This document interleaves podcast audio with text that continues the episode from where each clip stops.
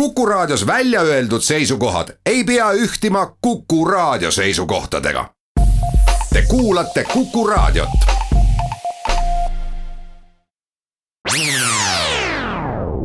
Restart. saadet toetab Telia, nutikate IT-lahenduste pakkuja Eestis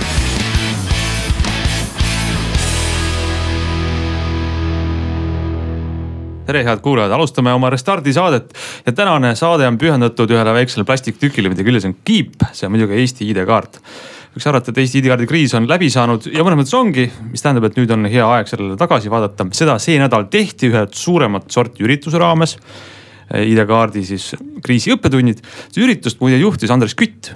tema on sellel põhjusel ja teistel põhjustel ka täna meil siis stuudios külas, tere Andres. tervist. ja Taavi Kotk on meil ka külas no ei ole külas, me ju tegelikult teeme seda saadet ja mina olen Hans Lõugas täna, äh, siis saatejuht.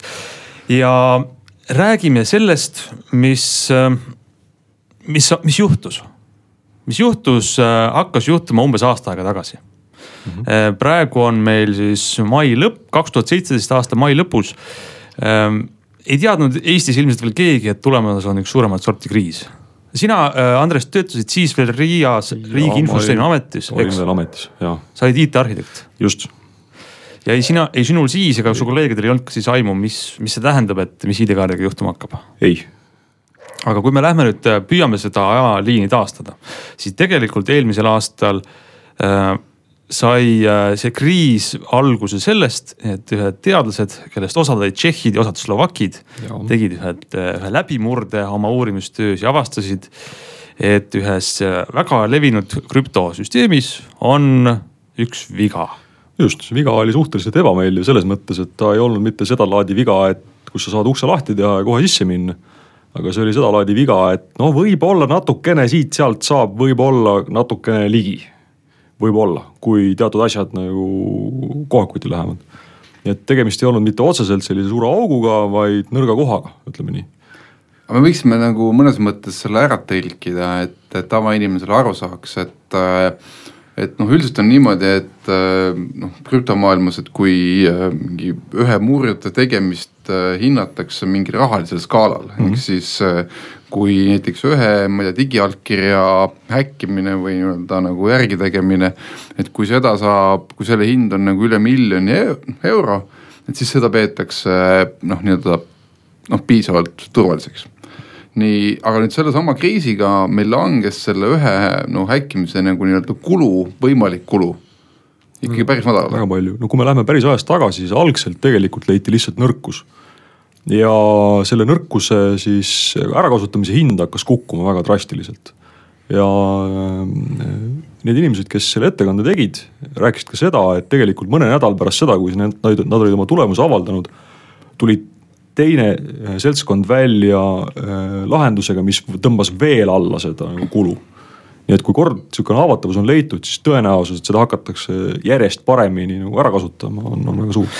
ühesõnaga oli grupp teadlasi ja ilmselt siis ka mõni grupp veel leidis, et ühes süsteemis on, on selline nõrkus, mis võib, mida võib-olla suhteliselt lihtne kasutada ja esiteks, kust nad selle leidsid, selle, selle vea, see ei olnud, et nad oleks oma uurimistöö fokusseerinud Eesti ID-kaardile, eks? ei, nad läksid uurima teatud tüüpi krüptosüsteeme ja läksid tegema hästi sihukest laia turu-uuringut, neil oli seal äh, väga palju erinevaid krüptoteeke, väga palju erinevaid äh, džippe, mis kaartide peale käivad. ja üks nendest hakkas silma kui eriline. sellel tundus olevat selle koha peal, kus peaks olema täitsa ühtlane müra, oli seal muster ja nad leidsid selle mustri ülesse ja leidsid, et see konkreetne kiip oligi siis vigane me vist peame nimedest ka rääkima mingil määral. see on siis Äh, ja mis need nimed on? kes teab nimesid? ma just mõtlen nagu, et, et see oli saksa kiivitootja Infineon In,. Infineoni, kusjuures mitte kõik džipid, vaid teatud seeria, teatud ajavahemikul toodetud džipid. aga need nagu jällegi, need ei olnud ainult Eesti ID-kaarti puudutavad, eks need kiibid, kus need kiibid veel olid maailmas kasutusel? tuli üle maailma ikkagi erasektoris ja ütleme ikka mitmetele riikidele, et ja. Äh, seal oli Austrial oli, Hispaanial oli. ja mitte ainult, mitte ainult äh, kaardid, äh, seal olid ka riistvara, igasugused arvuti sisse käivad asjad. see oli väga laia nagu mõjuga asi tegemist ei ole väikse ettevõttega üldse, tal on vist suurusjärk kolmkümmend kuus tuhat töötajat ja see on börsil noteeritud ettevõte, et tegemist ei ole mingi nurgapoega, kus kohast Eesti oma ID-kaardi ostis. nüüd siis äh, grupp teadlasi on leidnud asja, mis on tõsine, see on väga levinud. mida nad teevad järgmisena? Loogiline oleks siis äh, hakata mõtlema, kuidas viga parandada, see ei ole teadlaste töö, see on nende töö, kes kasutavad neid süsteeme, neid lahendusi. Need teadlased olid väga asjalikud teadlased, need äh, teadlased tegid seda, mida tegema peab. ehk siis võtsid paberi, mille pealkiri oli äh, siis responsible reporting guidelines ja hakkasid seda täitma. ehk siis raporteerisid koheselt protseduuri järgi, nagu parimad praktikad on siis veaallikale, mis nad leidsid, kuidas nad leidsid ja mis toimub. kohe ja sealt edasi hakkas pall veerema, nii et teadlased tegid algusest peale kõike väga õigesti. ühesõnaga põhimõtteliselt, kuidas see üldse selline nagu krüptomaailm toimib, ongi ikkagi niimoodi, et kui, kui sa oled nii-öelda hea häkker ja, ja leiad vea, et siis sa nagu teavitad äh, nii-öelda tegijat, et näed, et ma olen leidnud vea ja ma ei lähe veel avalikuks, ma annan sulle aega, et sa jõuad ennast ette valmistada, sa jõuad ennast ära parandada, on ju. ja see, et kui me lähme selle uudisega välja, et tegelikult sul on juba nii-öelda lapp olemas, on ju, ja niimoodi toimib enamus, ma ei tea, Windowsi lappimistest, ma ei tea, Apple'i toodete lappimisest ja nii edasi nagu hästi-hästi selged siuksed standardsed meetodid, kuidas raporteerimine käib, mida öeldakse, kellele öeldakse, millal öeldakse, see on hästi selgesti kokku lepitud. no nüüd kuulajal tekib küsimus, et siis ilmselt äh, andsid nad teadlased sellest teada, kas Infineonile, sealt kuidagi jõudis see lumepall Eestini ja mis siis nüüd tegelikult juhtus, miks see siis lumepall ei jõudnud ikkagi Eestini eriti kiiresti? räägime selle osa ka ära nüüd. ja millal ta Eestisse jõudis? Eestisse jõudis meil on siin kohe paberil ametlikud tabel. tabelid tehtud. Äh, Eestisse jõudis kolmekümne esimesel augustil, kus Eesti Informatsioonisüsteemi Agentuur kinnitas, et on olemas selline asi aga mõtlengi, et iseenesest viga ju leiti aasta alguses äh,. jah, rohkem kui pool aastat varem. aga millest tuleb nagu aru saada selle koha peal on see, et äh, turu peal, seda kutsutakse signals intelligence'iks inglise keeles on kõikvõimalikke signaale igasugustest aukudest ja nõrkustest on väga-väga palju. ja tegeldakse ka Riigi Infosüsteemi Ametis ja ka muudes riigiasutustes pidevalt selle info monitoorimisega. nüüd trikk on selles, et kuidas sa sellest mürast selle signaali üles korjad. ja kuni tolle hetkeni ei olnud nagu kindlat äh, alust öelda, et vaat nüüd just see signaal on, on tõene äh, ma olin ise ka sellel üritusel, mis sel nädalal toimus, ID-kaardi kriisist räägiti ja see teadlane, kes seda gruppi juhtis, oli ise ka kohal ja tema ettekandest läbiv sõnum oli see, et kogu see ähm, tööstusharu on ikkagi väga suletud. pigem infot ei jagata, pigem infot ei liigutata, pigem tehtakse kõike niimoodi, et sellest avalikult äh, ei räägitaks, eks. -hmm. kas see oli ka põhjus, miks siis juhtus nii, et kui eelmise aasta keskel siis Austria oma äh, allkirjade andmise peatas, mis kasutas just sama süsteemi, siis tegelikult ju Eesti sellest ei saanud teada. no eks raporteerimine käib oma liine pidi ja seal on, vaat nüüd me astume juriidika võrratusse maailma. seal tekivad lepingud ja seal tekivad igasugused muud kohustused ja see oli ka selle konverentsi üks nagu oluline järeldus. et, et just nimelt see suletus on, on probleem me ei saa loota selle peale, et kõikidel tootjatel on kõikide oma klientidega nagu suurepärased, puhtad, toimivad ja, ja igas mõttes nagu mõlemale poole sobivad suhted. seetõttu tuleks tekitada mingisugune kõrvalkanal, keda kõik pooled usaldavad ja kuhu raporteeritakse sellised probleemid no see on üks pool, aga kindlasti teine pool on see, et noh, millegi nüüd me peame aru saama, et, et siin kohtuveskid alles jahvatavad, on ju, ja me ei saa seda nii-öelda siin kõva häälega arutada, on ju, aga.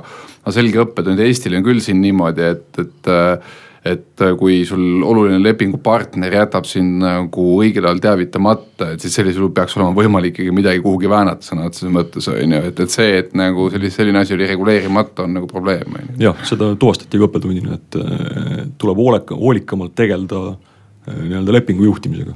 no Andres, sina olid naljakas seigas selles loos veel osaline, äh, räägin siin nagu avaliku kommunikatsiooni koha pealt seal kuskil, kui see kriis hakkas lõppema eelmise aasta lõpus, sinu äh, postituse kommentaari.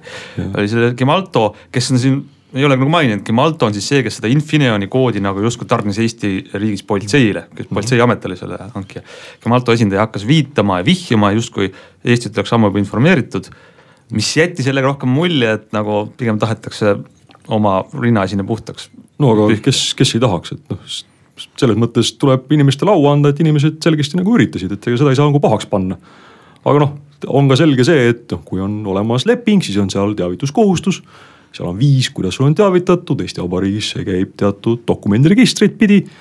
noh, kui seal jälge ei ole, no siis järelikult ei ole teavitatud, nii ongi no, no sa mainisid seda kuupäeva juba kolmkümmend üks august vist oli, kui siis lõpuks nii-öelda see asi jõudis kaarega Eestisse ja see tegelikult oli näide sellest, et need teadlased ise olid nagu siuksed vastutustundlikud kodanikud või? Nad märkasid, et Eestis tegelikult kasutatakse edasi sedasama krüptosüsteemi. jah, ja noh, siin tuli mängu nagu teine sihukene oluline järeldus sellest konverentsist on see et äh, igasugused investeeringud sellistesse isiklikesse suhetesse, avatud lähtekoodiga tarkvarasse, sellistesse maailmadesse. Väga hästi tasuvad ära, sellepärast et seal tekivad sihukesed suhtevõrgustikud. noh, kus inimesed üksteist usaldavad, inimesed teavad ja see oli puhas juhus, et ühel inimesel oli teise inimese kontakt. ja kes ja siis küsiti, et kuule, mis toimub teil, noh jätkuvalt näeme kusjuures mulle just naljakas lugu meelde sektorist, et see oli küll aastaid tagasi, võib-olla kümme aastat tagasi, kus minu arust, mis, kas mitte SMIT-ist ei lastud lahti punti IT-spetsialiste, kes suvatsesid Cebitil käia õhtul õlut joomas Cebit on siis äh, üks suuremaid äh, tehnoloogiakonverentse Euroopas. tuleb tuttav teema, et. ja, ja nad said selle eest kinga, et nad siis oma töövälisel ajal käisid siis õhtul äh, võtsid mõne õlle ka, on ju.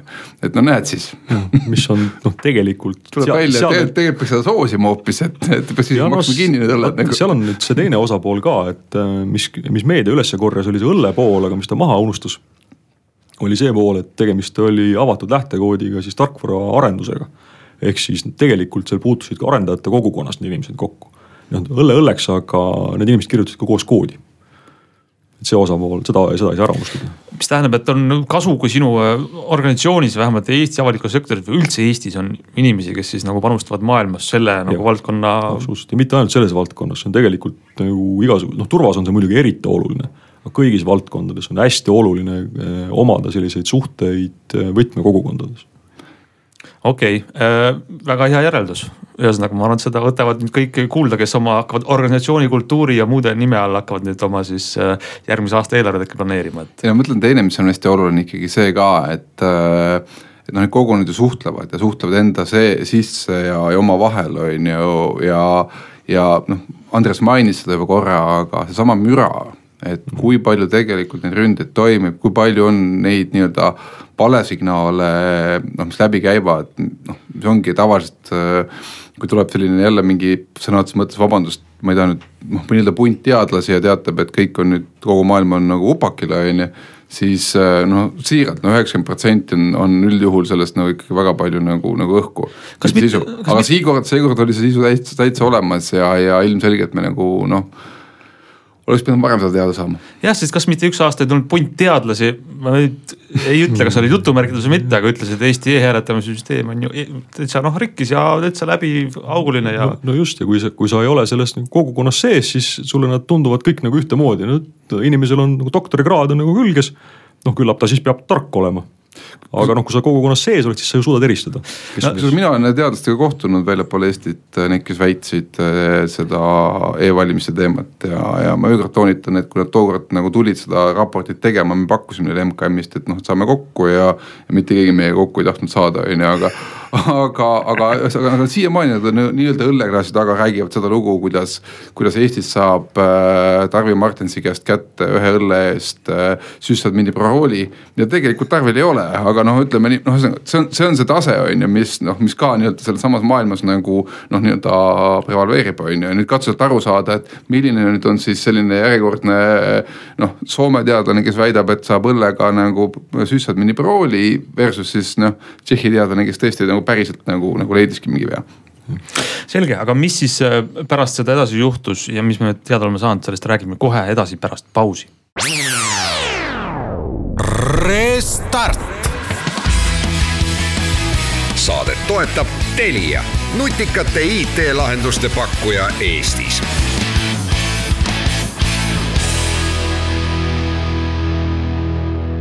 No nii, Restart läheb edasi, räägime ID-kaardi kriisi õppetundidest, kui need on, need on juba, me juba kuulsime paari. Ja räägime seda, me teame nüüd, mis juhtus edasi pärast seda, kui see info Eestisse jõudis, no see on nagu öelda avalik äh, public record mm -hmm. osalt, osalt ka mitte. kas me saime midagi veel selle kohta nüüd oleme targemaks saanud, kuidas sellele kriisile reageeriti? kui Eesti sellest teada sai? mitte, mitte oluliselt faktilises mõttes, küll aga on tehtud retrospektiivi selles mõttes, et, et kuidas see kõik nagu tervikuna kokku käis. ja üldine järeldus on see, et oli terve rida asju, mis ei toiminud. aga summa summarum saadi päris hästi hakkama ma arvan, et see on. see oli väga õppus iseenesest, et selles mõttes oli see õppusena, no naljakam ongi see, et ega tegelikult ju sarnaseid asju mängitakse riigis, eriti just Riia juhtimisel ja nii edasi, mängitakse läbi üks-kaks korda aastas. et näiteks see, et võetakse ministriga ühte ruumi kokku ja öeldakse, et näete, nüüd meil on situatsioon, et me mängime läbi situatsiooni, kus vaadake presidendi allkirjaga on äh, paber, mis on noh täiesti absurdne, aga näed, allkiri on teatud dokumendil ehtne, digiallkiri on ehtne. et kuidas me nüüd sellest supist välja tuleme, on ju, et noh, näiteks siukseid asju no, mängitakse, treenitakse läbi, aga nüüd oli see nagu päriselt. kas sellist kriisi on riigi, Riias läbi mängitud, umbes sarnast? kas selleks oldi valmis? ei, me oleme hullemaid läbi mänginud tegelikult. aga kas, kas, igasuguseid on läbi mängitud. kas need läbimängimised tegelikult valmistavad sind ette selleks, kui noh, nagu see asi juhtus eelmisel aastal, et no sa ei olnud selle osaline, kuna, kuna sa ei olnud Riias siis veel, aga ma küsin sinult kui noh. kuna, kuna saadi hakkama, siis äh, järelikult toimis ta, mis kindlasti toimis, oli see ja mida tegelikult õppustel ka harjutatakse, on see, et suudeti kohe tiim kokku tõmmata.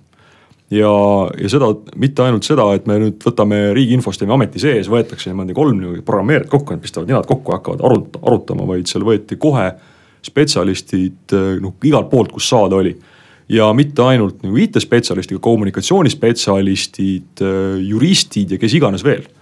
et äh, see osa kindlasti töötas. seal oli igasuguseid muid probleeme, aga, aga see, et suudeti nagu nii kähku selline tiim kokku panna ja panna tööle ja kõik olid nõus tulema ja panustama ja see toimis koos päris hästi. et vot see on asi, mida kindlasti õppustel harjutatakse ja see kindlasti toimis aga muidugi noh, ma pean ise tunnistama, et ma küll enam ei olnud siis avalikus sektoris ja vaatasin seda kõrvalt, aga aga päris see lause, et äh, raske õppustel, kerge lahingus on ju, et, et see kõik ka päris ei kehtinud, et selles mõttes, et keegi te-, noh, keegi midagi sellist läbi noh, ei olnud kogenud ja, ja iseenesest noh täna kindlasti kogu see meeskond on, on võimsam ja tugevam. ja ma saan aru ka see, et, et sa nii-öelda õppuse formaadis, kus sa tead, et see on mäng, on sul palju lihtsam kaalutleda mingit otsust, noh näiteks, et paneme need serdid kinni või peatame, inimene ei saa kasutada neid, no teeme ära selle, et vaat mis edasi saab. aga kui sa reaalselt pead seda ilmselt arvestama, sii- ja sa tead, et inimesed siis põhimõtteliselt jäävad tänaval, tulevad, tulevad tänavale, sest nad ei saa midagi enam kasutada läbi e-teenusena, siis see on hoopis keerulisem, eks noh, vastutus on jah teine, aga, aga noh, see, et Äh, seda on läbi harjutatud, seda näitas kasvõi see, et suudeti nagu kaasata kohe nagu tippjuhtkond välja. seal oli peaministriga eesotsas oli ikkagi pressikonverents ja see asi tõsteti nagu selles mõttes esile tasemel, mida ta tegelikult nagu oli, et me ikkagi, kriis puudutas meie e-riigi üks põhilisi alustalasid ja see läks peaministrile välja ja see on jällegi üks nende õppuste niisugune tagajärg, ma arvan. siis mõtleme, on üks nüanss, mida me peame ikka silmas pidama, on seesama, et äh, et reaalsuses täna, kui Eesti peaks minema ta, noh tagasi paberi peale või paberi peale toimima, siis äh, ta ei ole võimatu, aga ta kindlasti on äh, ülikallis ja keerukas. see oli üks nendest muide järeldustest, järeldustes oli see, et, et kui enne seda kriisi oli inimeste käest küsiti, et noh, ID-kaardiga midagi juhtub, et mis te siis teete, siis oli vastus see, et ei, me oleme paberi peal tagasi. Ja siis, kui päriselt juhtus siis selgus, et ei, ei taha, ei, ei saa, kallis, ei, ei, ei taha. noh, ja see on jällegi tulemus. ja teine asi, mis on hästi oluline muidugi ikkagi seesama, et sa ei lähe täna välismaale niimoodi, et sa võtad kaasa ainult sularaha ja hoiad seda kogu seda pakki endal nagu ma ei tea, püksitaskus ja, ja juhul kui sind röövitakse, et siis on nagu hukatus majas on ju. et sa lähed täna välismaale ka, sul on erinevad krediitkaardid, sul osa raha jätad hotelli, noh, mis iganes on ju, et sa nagu hajutad seda riski, eks, et. Et siin ka see konkreetne situatsioon tõi teravalt näiteks välja selle, et noh, mina olen üks õnnelikest, kellel see kaart oli siis enne seda saatuslikku kuupäeva, on ju, aga, aga just seesama, et, et noh, inimesed, kes mobiil-ID-d kasutasid, nad ei saanud üldse aru, et noh, et, et mingi kriis oli kuskil vahepeal on ju, et, et äh, ei puudutanud, eks, sest noh, kõik asjad töötasid ja, ja, ja, ja noh, okei okay,, kes, kes pidi ID-kaardi välja vahetama, kes ei pidanud, on ju, aga kui sa ei kasuta seda, vaid kasutad mingeid muid alternatiive, siis ju kõik töötab. ja seda ütlesid ka teadlased, et ära tee endale ühte sõltuvust, ole alati valmis alternatiivideks. Äh, peaminister tuli pressikonverentsile ja üleüldse oli seal, meedial oli kõvasti tööd, mida teha ja asja aeti avalikult, eks. Me rääkisime siin sellest, et selle, tihti on see tööstusharu väga suletud. ilmselt on väga paljudes riikides ja suurettevõtetel pigem ka Eestis ajalooliselt on pigem, et ärme räägi, teeme asja, parandame vea ära ja kui keegi sellest räägib, siis no. ütleme, et oodake, varsti saab korda. moka otsast ei, aga see trend me... on minu juba pikem, et äh, see ei olnud esimene kord, kus sellise noh, olulise ohu või, või kriisi kohal, et, et me oleme valmis nagu avalikult rääkima ja suhtlema, on ju, et. Äh, nüüd seesama noh, need, need teised teadlased, kellele sa siin nüüd vihjasid, on ju, kes väitsid, et, et riik ei taha suhelda, on ju, tahtis küll, et äh, et ei ole seda probleemi, et me ei tahaks nagu arutada või, või hoida kuidagi nagu, nagu, nagu. aga, aga see on ka Eestis nii olnud.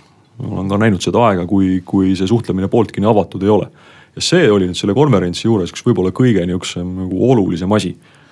mina ei tea, et keegi oleks kunagi riigi tasemel teinud konverentsi teemal, mis meil valesti läks. riik ei tee nagu definitsiooni järgi peaaegu mitte kunagi mitte midagi valesti. aga me tegime konverentsi sellest, mis me valesti tegime. tasuta ja, ja aga kas tegelikult, mis siis Eesti tegi valesti, kas üldse Eesti tegi midagi valesti?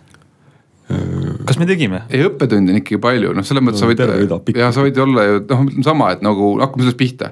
Äh, liiga palju, liiga suur osa ühiskonnast olid sõltuvusest ainult ühest autentimismeetodist. noh, see on valesti on... noh, õppetund tuleb paremini teha, eks on ju et.... ei saa minna paberile tagasi, tegelikult praktiliselt ei saa. jah, see, et Eesti kuulis nii hilja, et me ei olnud nagu esimeste seas, keda nagu Gemalto nagu noh teavitas ametlikult on ju, valesti. Tuleb saada kuidagi lepingud selliseks, et nagu neil oleks nagu tohutu motivatsioon meile esimesena öelda, et kuulge, et, et on mingi probleem, eks. sertifikaatide uuendamise tehniline taristu ei selgesti ei pidanud vastu, kui läks nagu massvahetamiseks. valesti, valesti noh, et selles mõttes nagu väga hea õppetund väga, väga, väga väärtuslik õppetund. see oli rahvusvaheline konverents, mis see nädal toimus, räägiti inglise keeles ja puha ja olid inimesi teistest, teistest riikidest. et üks asi on see, et me saame isekeskis aru saada, mida Eestis peaks teistmoodi tegema, mingeid protsesse muutma aga, aga nagu see Gemalto ja kogu see, see kriis oli rahvusvahelise mõõtmega tegelikult, see turvahaavatavus et kas Eestil on kuidagi üldse võimalik ka mõjutada endast väljaspool olevaid siis asutusi, institutsioone? no selles case'is kindlasti saab jälle üks õpikunäide, sellest on räägitud ka, aga, aga kes iganes nagu samasuguse portsu otsa, kas siis riigi või suurettevõttena kunagi jõuab, ta kindlasti nagu refereerib ka sellele kriisile. see peab nii olema ja, ja neid kriise hakkab tulema mida rohkem riigid, kas Eesti mudeli järgi või ükskõik kuidas muud moodi ehitavad infosüsteeme omale põhiprotsessidesse sisse. varem või hiljem mõni nendest kukub maali ja siis on samasugune kriis nagu oli Eestis. ükskõik, kas see on turvaintsident või käideldavusintsident või mis iganes muud ja siis küsimus on alati see, et äh, mida nagu kübermaailmas armastatakse öelda, et, et küsimus ei ole selles, et kas häkitakse või ei häkita, igal juhul häkitakse, küsimus on millal, et nagu, et, et ainult see, ainult see küsimus on nagu. aga miks asjad katki lähevad, ma küsin rumala küsimuse võib-olla meelega. miks, miks juhtub, miks me ei saa kaitsta, teha siis perfektset süsteemi või äh, asja, mida ei saa rünnata, oleks kindel, oleks valmis ja jäägu ta nii. kõige, kõige lihtsam vastus sellele küsimusele on see, et me saame küll üksikud tükid panna, teha turvaliseks aga kui me need tükid omavahel kokku paneme, siis vaat see tervik, me ei tea enam, kuidas ta hakkab käituma. et äh, kui me paneme haamri laua peale, siis see on täiesti turvaline. aga kui see sinna juurde satub kolmeaastane laps, siis see turvasituatsioon muutub kohe drastiliselt, eks ole. kuigi kolmeaastane laps eraldiseisvana ei ole tingimata ohtlik ja haamer tingimata ei ole ohtlik. paned kaks tükki kokku, on jama. ja infosüsteemide puhul on seesama asi, ainult et mõned suurusjärgud veel keerulisem. jube raske ennustada, et kui me teatud viisil asjad kokku ühendame et mis siis täpselt juhtuma hakkab ja kus täpselt see asi pragunema hakkab ja sellepärast asjad lähevadki katki. aga kuidas sulle nagu arhitekti vaatest see tundub, et kui me nüüd, no meil on nagu ID-kaart, üks süsteem, tal on palju osi. Kuidas see koos töötab, suur küsimus, okei okay., aga kui me teeme neid süsteeme veel, teeme seda, mida öeldakse, ärme hoia neid mune ühes korvis, me teeme veel, no meil on juba mobiil-ID ka mm -hmm. maailma mõistes väga keeruline süsteem, kus on eraettevõtted, mitu erinevat riigiasutust, väga palju osapooli on ju. teeme veel paar süsteemi sinna kõrvale osi, mida hakata valvama mitte ainult turvaküsimustes, vaid üldse, et see toimib ja hallata seda veel keerulisemaks no aga siin on, ma lähen Andrese eest vastama, aga ma toon sulle näiteks, no võtame Norra on ju, neil on kolm ID-kaarti. noh, täitsa erinevat süsteemi on ju, et, et sul on nagu äh, või võta Soome, kus on arstidel on üks ID-kaart, riigitöötajatel on teine. ja, ja lisaks on meil olemas riiklik ID-kaart, mida, mis on täpselt sama, mis meie oma, aga mida keegi nagu väga ei kasuta, on ju, et, et äh, see ei ole Eesti tee, Eestil on ikkagi, meil on, me räägime sellest, et meil on nagu noh, üks digitaalne identiteet ja siis on meil erinevad kandjad, ehk siis nagu äh, noh, ongi, et sa võid kasutada seda noh, ukse avamiseks nagu mobiili, Smart ID-d, sa võid kasutada ID-kaarti, on ju, sul on erinevad viisid. et kokkuvõttes me nagu kaitseme ikkagi ühte nagu terviksüsteemi ja otspunkte. ja aga noh, niimoodi laias plaanis ega ega ei ole muud eh, võimalust, kui ennast harida selle koha pealt. sest noh, laias plaanis ega me sellest ei pääse, et neid asju peame keerulisemaks ehitama, maailm läheb järjest keerulisemaks ja me peame tegelema sellega. ja me saame tegeleda sellega läbi eh, eneseharimise, läbi õppuste, läbi nendest samadest, nende samade konverentside, kus, kui meil on antud selline võimalus õppida, et siis me korjame sealt nagu viimasegi grammi nihukest teadmist välja. ega muud moodi ei saa aga mõtlengi, et see on üks hästi huvitav koht, et kas me tegelikult peame tegelema. ehk siis ma ise muidu ütlen ette ära, et ma olen arvamusel, et peame, aga, aga kui me vaatame, mis protsessid maailmas toimuvad, siis äh, mina tahaks küll peast kinni haarata, aga, aga teeks seda pärast pausi. Restart. saadet toetab Telia, nutikate IT-lahenduste pakkuja Eestis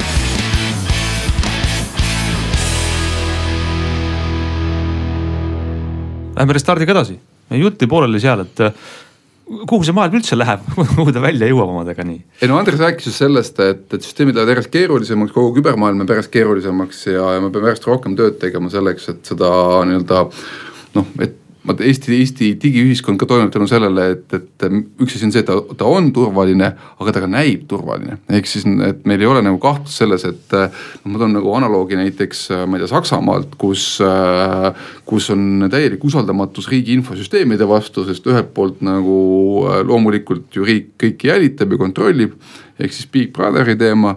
ja teiseks on kindlasti riigil kõik asjad pilla-palla, lipa-lapa, sellepärast me ei tohi talle andmeid anda, sellepärast et nii kui me midagi anname, siis kõik lekib. üsna vastandlikud hirmud on ju, ühest küljest kõike jälgitakse, teisest küljest ei saa hakkama ja, ja aga, aga, aga see, ma mõtlen, ongi, see on nagu päris naljakas nagu ja sealsamas antakse infot kopaga nagu Facebookidele, Google itele ja see, et nemad ei oska ka selle noh, nii-öelda, kuidas ma ütlen, ei oska hoida seda vara, mis neile on usaldatud, on ju. see nagu kedagi ei morjenda ja minu jaoks on see hästi huvitav trend, et äh, äh, noh, ka investorina omades äh, teatud aktsiaportfelli, sa vaatad nagu peale, et äh, nii, Facebooki käis pauk ära, no nüüd on nagu tuuga. ei ole, juba on kõrgem kui enne pauku, ehk siis selles mõttes nagu mitte midagi ei juhtunud sellest. Infineoni aktsia hoolimata sellest tohutust kriisist, mis ei puuduta ainult Eestit, vaid puudutas miljoneid, miljoneid kaarte. no see kukkus, aktsia kukkus põhja. ma, ma küsin, ma küsin, kas siis oleks loogiline nii suur turvahaavatavus leitud, mis seda. minu meelest see teeb isegi jõnksu ehk siis nagu, äh, mis jällegi nagu noh, tähendab seda, et, et meil on siin suured ettevõtted, Dropboxid, LinkedInid, kes nagu kõik on oma andmeid lekitanud äh,. Sonyl äh,, noh, meil on niivõrd palju neid kohti ja nende aktsiatega ei juhtu mitte midagi, mis tähendab seda, et, et sõna otseses mõttes kõigil, kes noh, nii-öelda noh me jätkuvalt usaldame seda kompaniid, järelikult, et see, et mingid asjad lekivad, midagi läheb kaotsi, sajad miljonid andmed kaovad kuhugi ära et see ei ole probleem, et nagu maailma jaoks ei ole probleem mm. ja minu meelest see on ohtlik sellepärast, et kui me hakkame suhtlema, et noh, a la kui Gemalto võtab ka sellesama attitude'i, et noh, jah, juhtus, noh, mis siis ikka on näed siin Facebookil ka juhtus, on ju. et, et kuhu me siis jõuame?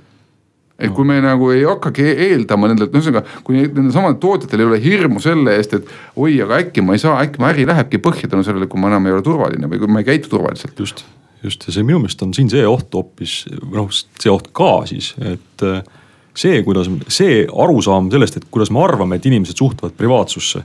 ja see, kuidas inimesed tegelikult suhtuvad privaatsusse, on kaks erinevat asja. paraku selle esimese me keevitame regulatsiooni ja seadusse sisse ja elame õndsas teadmises, et privaatsus käib niimoodi. aga nagu reaalne elu näitab, siis käib teistmoodi, inimesed suhtuvad privaatsusse ja turvalisusesse kuidagi täitsa teistmoodi ja väga, väga hästi ei saa aru, kuidas see täpselt käib. ja siin on kusjuures ikkagi ma tahaks nagu tunnustada Eesti inimest, et, et, et eestlane on nagu aru saanud, et, et mis asi nagu, nagu privaatsus on ja no ma tean, samad näited, et see, et arstid näevad su nagu haiguslugu, on ju, aga sa näed ka, kes arstidena sind on vaadanud, on ju. et see on nagu kokkuvõttes nagu piisav sümbioos võrreldes sellega, et, et noh, ma ei tea, sakslased ütlevad, et, et meil on kõik haiguslood paberi peal et ma ei tea küll, kes need seda paberit on lugenud, eks, aga mulle tundub see kokkuvõttes turvalisem kui see teie Eesti süsteem on ju. et, et sa, kui sa arsti juurde lähed, siis sa võtad särgi seljast ära ju niikuinii, ta niikuinii näeb, et sul käsi puudu on, et noh, mis sa siis, kuidas siis. ja, aga see on nagu igaks juhuks täida ankeet, et kas sul lapsepõlves oled ikka leetrit põdenud või ei ole, on ju, et noh, et, et ja iga kord hakkad uuesti pihta, on ju, et, et. kolid ühest piirkonnast, Saksamaa piirkonnast teise, on ju, jälle nullist kõik uuesti, et noh, et. ja et, nüüd on sul info juba kahes kohas, kus seda kaitsta tuleb. jah no vot, siin ongi see küsimus, et äh, me võime ju tahta arvata, et äkki me Eesti inimene, Eesti inimene on tubli ja, ja me siin mõtleme eesrindlikult. Äh, aga me oleme nagu tilk ookeanis või? ümberringi, ega meil ju ei ole võimalik äh, oma, teeme küll konverentsi, jagame kogemust, kas keegi kuulab ka? kuidas me saaksime tagada seda? kuulavad, kuulavad, kui me vaatame seda, kes kohal olid, siis kohal olid täitsa mitme riigi regulaatorite tippjuhid kohal olid EU inimesed, kohal olid Euroopa küberagentuuri inimesed ja väga kõrgel tasemel, kuulavad küll. ja need inimesed, noh moderaatorina ma natuke puutusin nendega kokku, siis kui ma kuulasin, kuidas neid kutsuti, siis need kutsuti just nimelt isiklike suhete noh, nii-öelda kaudu. nii et ma arvan, et tegelikult kuulatakse küll aga teine asi on see, et, et sa kuulad selle ära, eks, aga noh, seesama on ju, et kuidas me tekitame Gemaltole hirmu, et ära rohkem nii tee et noh, kus me tekitame Facebookile hirmu, et ära rohkem nii tee et, et, et see on tegelikult päris nagu keeruline võtmekoht, et, et Euroopa Liit iseenesest on suutnud äh, murda äh, sellist noh, mõnes mõttes hoolimatust on ju, et üks noh. tea, ehedamaid näiteid on näiteks Microsofti kaasus, kus äh, Microsoft üheksakümnendatel surus igale poole oma Internet Explorerit, teisi brausereid ligi ei lasknud mis lõppes siis sellega, et viiesaja miljoni turg ütles talle nagu noh, nagu ikka selgelt vastu näppe, et kui sa nüüd paremini käituma ei hakka, siis, siis me nagu karistame sind ei hakanud paremini käituma ja siis karistati niimoodi, et, et noh, kui sa täna Redmondis äh, lähed, jalutad äh, Microsofti campuses, mismoodi nad on ümber struktureerinud oma sõna otseses mõttes majad ja, ja needsamad meeskonnad seal sees, sellepärast Euroopa Liit on neid sundinud niimoodi käituma, on ju. siis sa saad aru, et, et kui Euroopa Liit tahab, siis ta päriselt ka suudab midagi nagu väänata mm. -hmm nii et selles mõttes on see ka Eesti jaoks parim kanal, kuidas seda sõnumit võimendada läbi Euroopa. me veel ei tea, kas nii kaugele võimendab, aga ütleme nii, et kui ta ei võimendu. Euroopa on kindlasti, Euroopa on kindlasti üks kanal, aga jällegi, et äh, suhted äh, teadusringkondades. Need, äh, see Tšehhi teadlaste paber võitis konverentsidel päris olulisi auhindu. et, et see on väga laialt tsiteeritud paber, see lõi nagu teadusmaailmas ka laineid, et, et inimesed, kes üle maailma mõtlevad sellest sellel, sel teemal kirjutavad sellest. Nad, nad kindlasti loevad Eesti juhtumist, kindlasti loevad sellest, sellest haavatavusest ja kindlasti teevad omad järeldused. sellel kindlasti on mõju okei okay,, ma tulen korra tagasi Eesti inimese juurde, kas me, ma mängin võib-olla tulega, kas äkki oleks õppetund olnud veel äh, reljeefsem, kui oleks ikka noh, nii-öelda keegi saanud ka päris karmilt pihta, et oleks mõni juhtum olnud, kus keegi oleks seda haavatavust ära kasutanud. sooritanud mingi no küberkuriteo on ju võltsinud kellegi digiallkirja. me, ma ei taha kurja välja kutsuda, aga ma mõtlen, et kas siis oleks see õppetund äh,, oleksime veel paremini maailmakaardile saanud. no kindlasti sellepärast, et äh, noh, meil on täna ju kohtus praktiliselt iga kuu keegi vaidleb, et, et see siin, see dokumendi olev füüsiline allkiri, mitte digiallkiri, füüsiline allkiri ei ole minu oma ja noh, siis vaieldakse ja käib tõestamine ja allkirja ekspertiisid ja nii edasi, et kas ikka on või ei ole ja nii edasi, on ju digiallkirjaga mina ei tea, et meil oleks olnud praegu case'i viimase kümne aasta jooksul, et keegi vaidleb kohtus, et see on, äh, et, et ID-kaart oli minu taskus, ma pole seda kunagi välja andnud. Äh, aga kuidagi on tekkinud siia nagu minu allkiri nii, et mina ei tea, on ju, et, et äh, et, et selles mõttes nagu noh, see õppetund meil alles tulevikus kunagi on nagu tulemas, aga see kindlasti oleks vaja läbi mängida mingil hetkel, et saada arugi, et. et noh, asi, mis on nagu olnud nii-öelda kaljukindel et kui ta järsku enam ei ole kaljukindel, et mismoodi me siis käitume või mismoodi me järeldame seal. see, on muidugi väga-väga keeruline, eks, sest Eestis ei ole digiallkiri mingi lokaalne asi, mis ma oma arvutis teen, vaid sa suhtled sertifitseerimisserveritega ja kõik on võrgus, eks. mulle meenub just eile üks inimene, tuttav näitas, kuidas ta peab äh, Suurbritannias andma digitaalset allkirja. mis on siis selle käekirja fondiga sinna PDF faili mingisuguse oma nime kirjutamine, et noh no seal muidugi on, küberkuritegevus seal on palju lihtsam, on ju. no USA-s piisab sellest, kui sa vist vajutad linki, mis on sulle saadetud, on ju, või siis sa copy'd jah ka oma nii-öelda allkirjast tehtud pildi copy'd nagu dokumendile alla, et siis on ka juba okei okay,, on ju, et. või, või siis, või noh, faks, mis on kui teada-tuntud turvaline süsteem. Aga ma toon ühe näite, jälle naljakas näide, DocuSign on äh, USA üks, üks äh, tunnustatumaid äh, digiallkirja startup'e millel digiallkirjaga, päris digiallkirjaga ei ole mitte mingit pistmist ja turvalisusega minu meelest ei ole ka mitte mingit pistmist. -hmm. aga kompanii väärtus on neli miljardit dollarit. ja meil on, ja meil on äh, olemas järgkeskus, kes on äh,, suudab teha nagu maailma tipptasemel äh, noh, digiallkirjad ja konteinerid ja nii edasi, on ju. me oleme isegi uurinud võrreldes teiste Euroopa riikidega, noh absoluutne nagu, nagu noh, noh top üks ja väärtus noh, pole miljarditki no vot, maailm on, tasakaalustamatust on palju maailmas vist või, nii et. kurjust on ka palju maailmas. ja kõige hullem on see, et, et see kurjus on äh,, seda kurjust ei pea olema palju et noh, sa tõid ka siin ühe näite, et, et mis oleks, kui oleks juhtunud, et ühte allkirja või kahte allkirja, ma ei tea, kümmet allkirja oleks, oleks siin võltsitud, noh issand jumal, meile antakse aastas miljoneid allkirju, on ju, et, et see, et nüüd nagu üks või kaks miljonist, noh, ma ei tea, autoõnnetuses sureb ka meil nagu inimesi miljoni sõidu kohta ikkagi nagu, nagu päris palju, on ju. et, et, et selles mõttes, et nagu piisab tegelikult mõnest üksikust kui see süsteem hakkab murenema ja seesama usaldus, mida sul vaja on ehitada, see hakkab kaduma. ja mida, ja mida me oleme tegelikult ehitanud viimased kakskümmend viis aastat, tasahilju. ja noh, piisab sellest, usaldus ju toetub usalduse peale, mina usaldan sind. sa käitud usaldus, usaldusväärselt, sa ei peta seda usaldust, usaldad mind vastu. eks usaldus nagu toidab ennast aga piisab väga vähesest pisikesest kivikesest, et sul hakkab teistpidi käima, et sa natukene umbusaldad, mille peale mina natuke rohkem umbusaldan ja kahekümne aasta pärast ei ole midagi alles enam. Aga ma mõtlen, mis oli minu arust selle kriisi äh, noh, üks sisuline väga hea õppetund ja ma arvan just eriti nagu poliitikutele ja riigijuhtidele.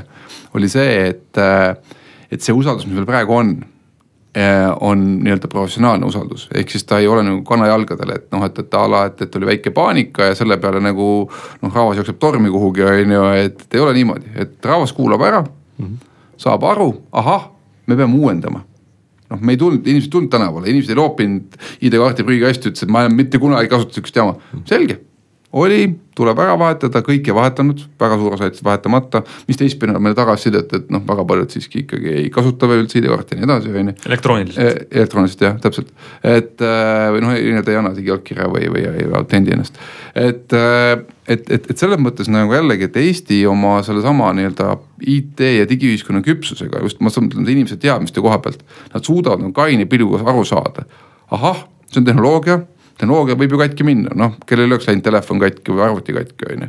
selge, läks katki, poisid, tehke korda, kui on vaja, ostan uue, noh et, et see on, see on nagu terve mõistusega tehnikasse suhtumine. just, et sa, et sa virised selle järjekorra üle, mis noh, mis on ka loogiline, et kes, kellele meeldiks pool päeva veeta kuskil, kuskil pimedas toas. ja e-riik aga... ja tiiger on surnud, noh et noh. just, aga sa nagu ei lähe selle, selle tuuma kallale, et sa jätkuvalt nagu tarvitad seda edasi see, see tiiger on jah sihuke, nagu öeldakse, Schrödingeri kass, et ta korraga on, paistab olevat väga elus ja hüppab, aga paljude jaoks on väga surnud, nii et. Schrödingeri tiiger jah. Schrödingeri tiiger um,. Kokkuvõttes, mida ma teie jutust nagu teen õige kokkuvõtte, et tegelikult see kriis nagu näitas, mm, et sellele reageeriti, viga parandati, inimesed seda uskusid, tulid kaasa, siis usaldus e-riiki eh, kas jäi samaks, äkki isegi kasvas või? et kui tuleb viga, siis see parandatakse ära, inimesed kasutavad edasi, need, kes kasutavad. ma arvan küll, pigem, pigem läks ülesse selle peale. mina usun ka, et, et usaldus kasvas ja noh, kindlasti on siin suur osa just sel samal äh, meeskonnal, kes siis kriisi ajal tegutses, on ju. ehk eelkõige siis RIA, noh PPA, äh, meie spetsialistid, kes selles vaeva nägid, eks, et et, et selles mõttes nagu kindlasti noh tervikuna ütleme nii, et me tulime tugevamana välja võrreldes sellega, kui me sinna sisse läksime väga hea järeldus saate lõpuks, selline oligi tänane Restart, aitäh kuulamast ja juba järgmine nädal kuulete meid jälle, nägemist. Restart. saadet toetab Telia, nutikate IT-lahenduste pakkuja Eestis